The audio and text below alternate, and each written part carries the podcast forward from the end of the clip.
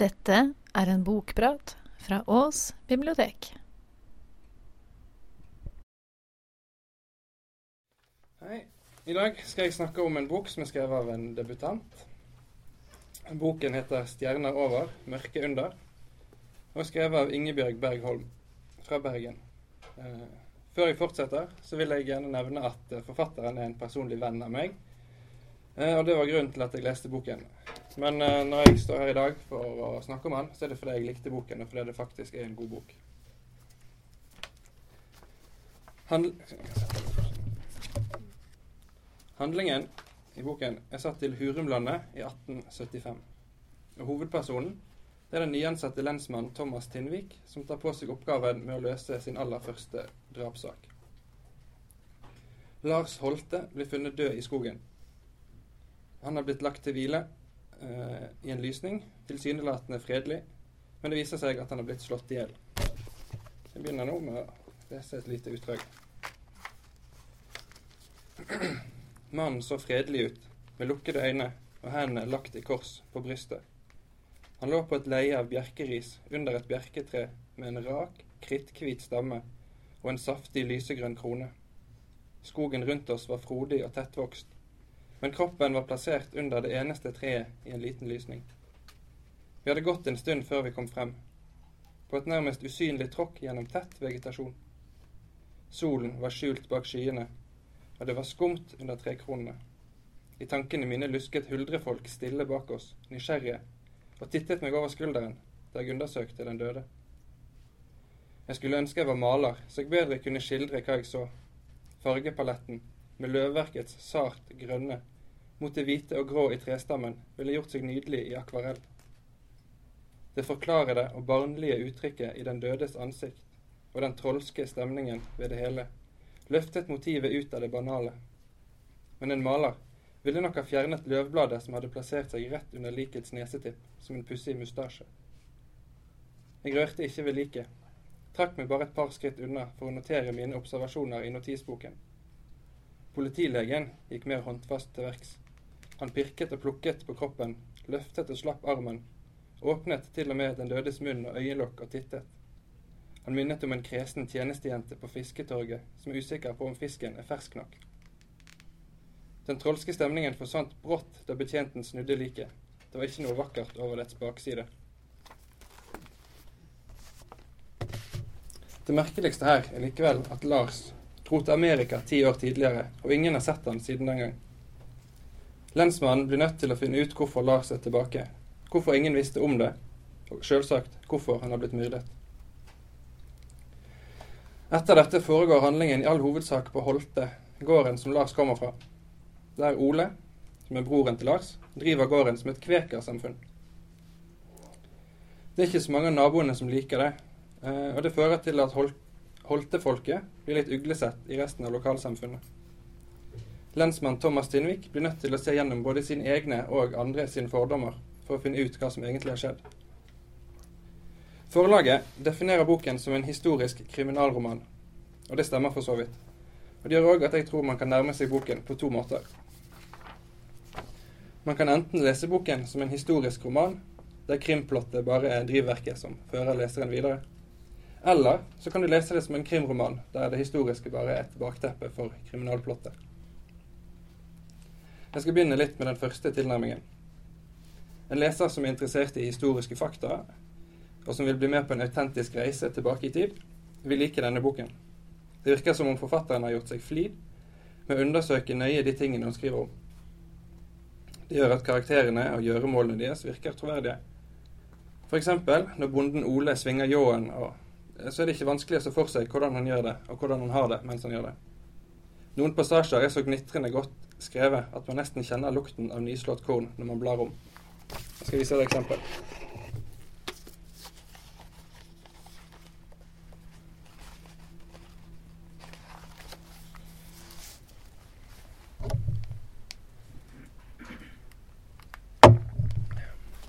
De andre begynte å rette ryggen. Sukket og strakte seg. Han visste det var seint, men han ville ikke gi seg, ikke med halve hesja full. Svingte ljåen uten stans, ekstra nøye med ikke å hogge i stein. Det var som regel på slutten av dagen det skjedde. Det var fort gjort å bli uvøren når man var sliten. Men kroppen bare gikk av seg selv, tung og seig. Å jobbe var som å dra en full kjerre. Først så tungt at det kjentes umulig å fortsette, men når kjerra først fikk fart, var det verre å stanse. Hver gang han svingte ljåen ut og kjente det verke i nakken og opp i hodet, tenkte han ikke mer. Jeg greier ikke mer nå. Og hver gang han hadde slått ferdig, gjorde kroppen hans det en gang til likevel, uten å tenke. Kjerringene gjorde seg ferdige med hesjestanga. Den var nesten full. Han visste han burde stoppe nå, men han kunne ikke, orket ikke. Ville ikke inn i stuen ennå. Han var for mørk inni seg. For mange vonde tanker. Alltid når han hadde det sånn, ble han for brå og gretten i stellet, utålmodig og brysk. Da slo gjerne gutten seg vrang også, så alt bare ble leit. Han kunne ikke greie det i dag. Han måtte gi seg. Det var nok for i dag. Han rettet seg opp og satte orvet i bakken. Sto en stund og så utover de utslåtte, myke engene. Himmelen med små skyer. Svalene fløy nokså godt, nokså høyt, og godt var det. Rundt ham stanset arbeidet opp. Folkene gjorde seg ferdige og trakk innover mot gården. I små klynger, småpratende, vitsende, fnisende. Men midt imot strømmen så han en enslig skikkelse gå utover. Folk hilste, men mannen stoppet ikke. Langsomt skred han frem, med kurs rett mot Ole. Han kjente ham igjen på den høye hatten. Det var lensmannen som kom. Greit. Ole gikk ham i møte. De hilste. Enga var tom nå. Bare de to som sto igjen mellom hesjene, taushet en stund. Begge gransket den andre. Ole kjente seg med ett voldsomt trett. Ville bare bli ferdig. Komme seg gjennom resten av kvelden, legge seg, sove hvis han kunne. Bli med meg, sa han til lensmannen, og gikk uten å vente på svar i forveien mot våningshuset. Til kjøkkenet. Det fikk heller være at det lå rett ved guttens rom. Lensmannen ville sikkert snuse seg inn dit før eller seinere uansett. Bedre om han var der da, og det var kaffe på kjøkkenet.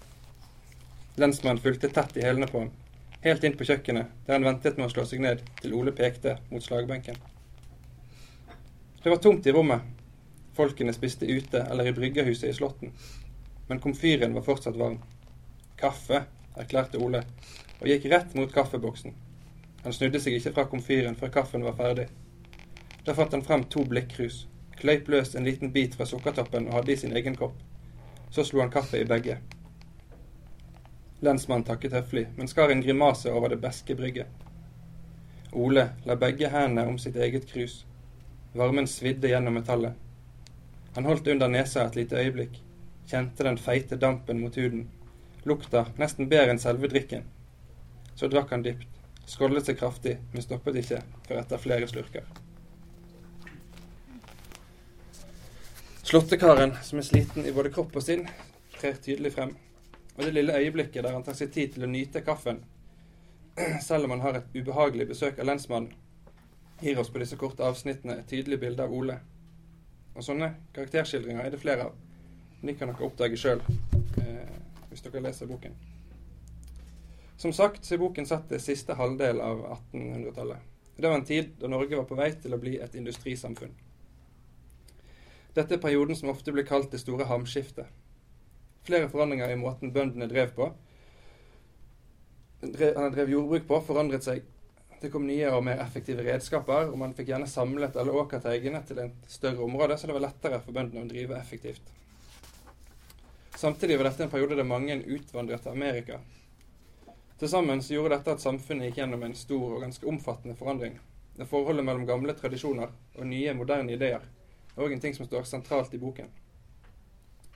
Det Hurumlandet som Holm beskriver, er et bondesamfunn der forandringene ikke skjer så raskt, men hvor det likevel ikke er så langt til nærmeste moderne by.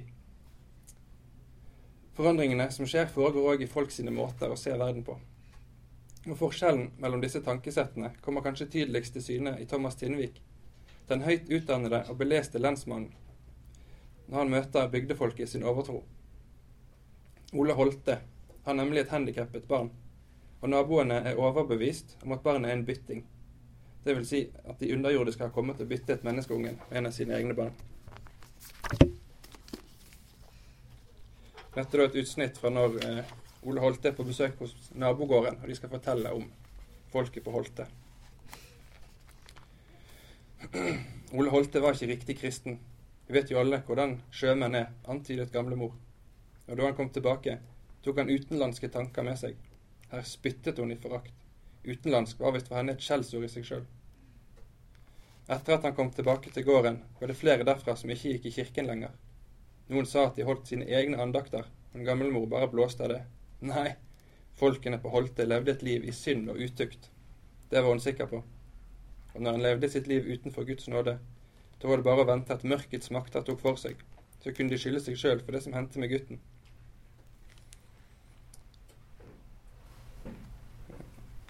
Her mistet jeg tråden. Den gamle kunne ikke fatte at jeg ikke kjente bygden slik hun selv gjorde. Hun stirret bare dumt på meg da jeg spurte om hva han snakket om. Gutten? Ja, Ole Holtes sønn, selvfølgelig. Ole giftet seg og fikk barn da han kom tilbake, men konen døde i barsel. Ole slapp nesten ikke ungen fra seg, så kvinnene fikk stelt ham. Han mente seg mer lærd enn kjerringene og nektet dem å beskytte sønnens vogge med stål og korstein og søljer, slik seg hør og bør. Og så Her senket den gamle stemmen dramatisk, fullt klar over hvilken effekt historien hadde på tilhørerne. En dag snek en huldrekar seg inn i rommet der gutten lå og sov, og byttet han ut med en trollunge. Anekdoten rant ut av den gamle. Ferdig komponert med ord og vendinger som ikke hørtes helt ut som hennes egne. Jeg forsto at denne historien var en del av bygdens folklore. Den hadde funnet sin form og ville fortelles slik fra kvinne til kvinne, fra generasjon til generasjon. Dette var kollektivets samlede sladder og overtro, nedfelt i form av et eventyr som jeg vil gjengi etter hukommelsen. Signe Siri er en omreisende signekjerring, og hun ser mer enn folk flest, både det som fins over og under jorden. Hun kan se huldrene like klart som hun ser deg eller meg, og har møtt de flere ganger før. En stund holdt hun til på Holtegård. Da var det at hun gikk forbi vinduet til rommet hvor veslegutten lå og sov. Hun hørte ungen våkne, og at noen sang for ham. Idet Signe-Siri gikk videre, hørte hun en lyd bak seg, og fikk se en liten mannsling smette over tunet med en bylt under armen. Da hun seinere fikk se ungen, så hun med en gang at han var en bytting, for han var bløt og myk i kroppen og skrek glupsk etter mat hele tiden. Da skjønte hun at hun hadde sett trollkaren da han byttet om ungene, og at det var han hun hadde sett smette over tunet med barnet under armen. Og aldri har Siri glemt de uhyggelige ordene. Hun hørte fra stuen den gang byttingen ble lagt i voggen på Holte. Ikke vær stygg nå, hold kjeft og sov nå. De siste ordene ble messet frem, forsøksvis rytmisk, og jeg forsto at det skulle være teksten til en sang. Men tåken samlet seg i den gamles blikk, og hun gikk seg vill i ordene og sank til slutt taus tilbake i sengen. Men Bråten-folkene tok til orde. Den overtro jeg bare hadde ant i forsamlingen tidligere, hadde kommet til uttrykk gjennom den gamles beretning, og de andre var ikke flaue for å skyte inn utfyllende opplysninger. Noen hadde sett byttingen. Andre hadde hørt ham ule. Noen visste hvor han lå begravet i uvigslet jord. Andre sa han ennå levde på gården og spiste dem ut av huset. Men alle var enige om dette. Sønnen til Ole Holte var blitt stjålet av et troll som hadde etterlatt seg en trollunge i guttens sted. Dette ble for tøvete for meg, og jeg klarte ikke lenger å skjule det. Jeg synes det er fornøyelig å lese Asbjørnsen og Moes gjenfortellinger av folketroen, men sjarmen går tapt når den slags vås settes frem i dypt alvor.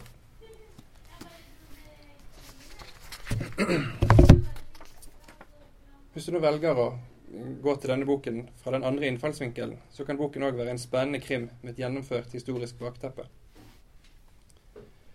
Må jeg si, Hvis du liker krimbøkene dine med detaljerte voldsbeskrivelser, intens action og heseblesende jakt på gjerningsmannen, så er nok ikke dette boken for deg.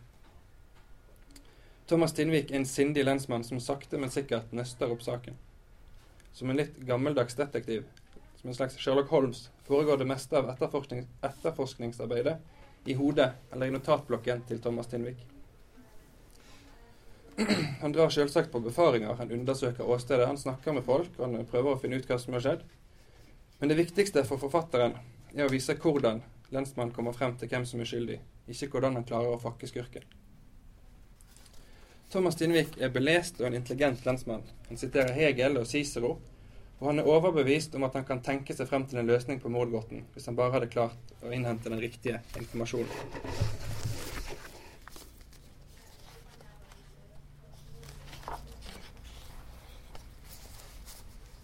Er et eh, avsnitt der lønnsmann sitter og tenker over saken.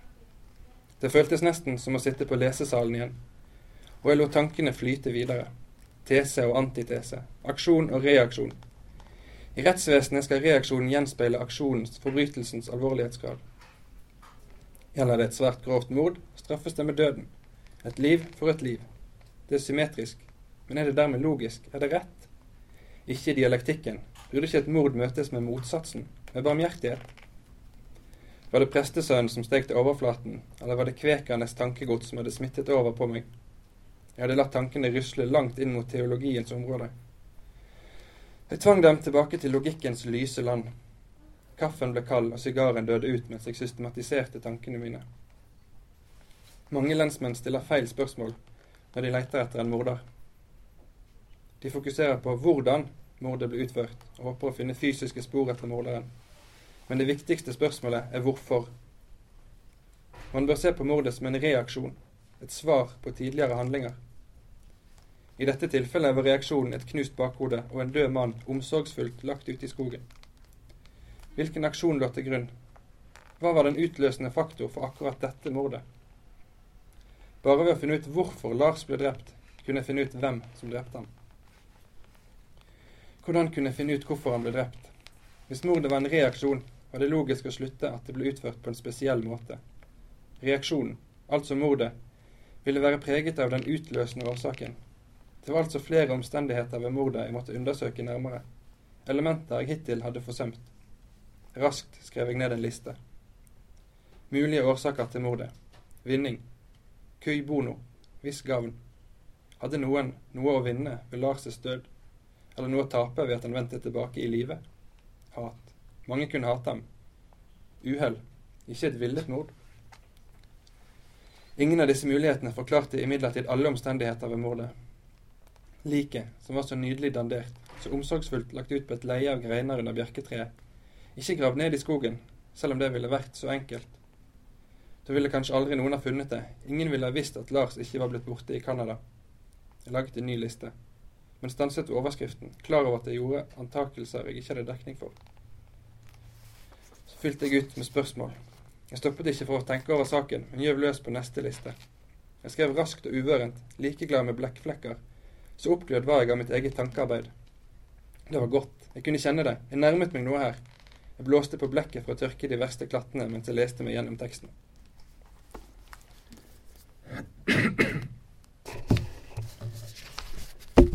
Dette er en langsom og dvelende krim, der språket, stemningen, omgivelsene og karakterene er minst like viktig som handlingen. Det betyr ikke at boken ikke er spennende. Det betyr bare at spenningen ligger i relasjonene mellom karakterene og i det usagte, heller enn i fysisk action. Det liker jeg, og det viser at krim kan skrives på mange forskjellige måter. Det siste jeg vil ta opp, er hvordan lensmannen sjøl blir fremstilt. Mange av kapitlene er skrevet i en form av brev, der lensmannen skriver til sin egen bror. I tillegg til å fortelle om saken med den myrdede Lars Holte, så skriver Thomas Tinnvik òg om en skjebnesvanger sak han sjøl og broren var innblandet i mange år tidligere. Etter hvert som etterforskningen omkring Holtes død skrider frem, og Tinnvik gjør seg opp nye tanker om skyld og straff, finner han òg en måte å forsone seg sjøl med sin egen fortid på.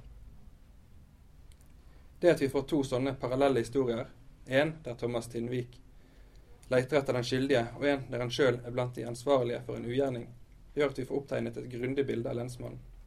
Hans personlige utvikling er òg blant de tingene som driver handlingen fremover, og som gir deg lyst til å lese videre. Jeg skal lese et avsnitt der lensmannen sitter sammen med en gammel kveker og filosoferer om skyld og ansvar og straff.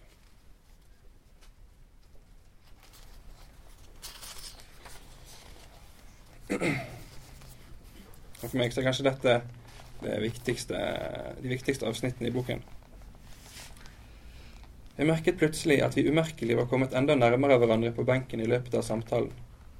Var det jeg som hadde glidd nærmere ham, ivrig etter å høre hvert ord? Eller var han kommet nærmere meg? Skyld. Jeg kvapp av det enkle ordet. Hvor kom det fra? Snakker du om Lars? Om oss alle? Alle er vi skyldige i noe, alle har vi syndet. Det er tungt å være. Fortsatt forvirret mumlet jeg bare bekreftende. Hvor ville han med dette? Så har vi den skylden vi legger på andre. Men vi må slepe på den selv, like fullt. og så er det den skylden andre legger på oss, og som vi kjemper for å kaste av. Han sukket. Er det rart vi blir slitne? Igjen satte han det intense blikket sitt i meg. Ville ha et svar fra meg. Hva var det han ville ha meg til å si? Hva skulle jeg forstå? Jeg nikket bare taust. Han fortsatte. Hva sleper vi på alt dette for, når det finnes en som har sagt han skal bære alt for oss, som gikk i døden for oss, men vi mennesker har ikke så lett for å gi slipp. Ofte holder vi aller hardest fast i de byrdene som nesten knuser oss. Dumt, ikke sant? Han var varm i trøyet nå. Ordene falt smidig og lett.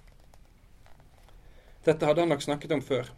Jeg så han for meg, her på denne benken, med husholdets vekslende medlemmer oppmerksomt lyttende ved siden av seg. Men ikke Ragnhild. Jeg kunne ikke se henne for meg der. Jeg begynte sjøl å føle meg ubekvem.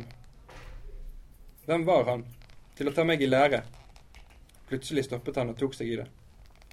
Ja, du får unnskylde en gammel mann med litt for velsmurt snakketøy. Lensmann må ikke tro at jeg forsøker å preke for ham. Jeg vil bare så gjerne at du skal forstå litt av kvekertroen. Og dessuten Han smilte svakt og så en anelse flau ut. Dessuten er det moro for meg, veit du. Her går jeg med min ulærde og gamle hjerne, og så kommer lensmannen, som alle i bygda veit er en lærd mann, og setter seg på min grublebenk. Ja, da må jeg nesten gripe sjansen til en skikkelig prat. Skyld og tilgivelse, bot og straff. Som lovens mann har vel lensmannen noen kloke ord å si om det. Jeg tok meg i å smile, både til ham og av ham. Han hadde sin sjarm, denne gamle mannen. Det enkle språket hans kledde de kompliserte spørsmålene han la frem. Jeg tror du ville likt det òg. Jeg husker jo hvordan du strevde med å rense det høykirkelige ut av prekene dine og anlegge en mer folkelig stil. Anders var nok litt, fram, litt famlende i fremleggelsen, men det grunnleggende spørsmålet han stilte, sto støtt. Hvordan håndterer vi skyld? Som samfunn og som individer? Det er et interessant spørsmål, både i mitt arbeid og for meg personlig. Jeg er ikke den som hoverer med min dannelse, men byr gjerne på min kunnskap og innsikt. Jeg startet med det grunnleggende, urgamle talionsprinsippet. Øye for øye, tann for tann forbrytelsen som et angrep på hele samfunnets orden, og hvordan denne orden bare kan gjenopprettes gjennom en straff som står i forhold til forbrytelsen. Anders lyttet oppmerksomt, men ristet innimellom sørgmodig på hodet. Det var først da jeg slapp løs hegelianeren i meg, at Anders ga meg noen form for bifall. Han satt som et tent lys da jeg beskrev straffen som en respektfull handling overfor gjerningsmannen, en anerkjennelse av ham som et fritt tenkende og handlende individ. Takk, sa Anders enkelt da jeg var ferdig med min utlegning. Du forklarer det så greit. Det er noe sånt jeg tenker, jeg òg. Noen ganger må man gjøre bot for å se sin egen skyld. Bare da kan man se Guds lys i seg selv igjen.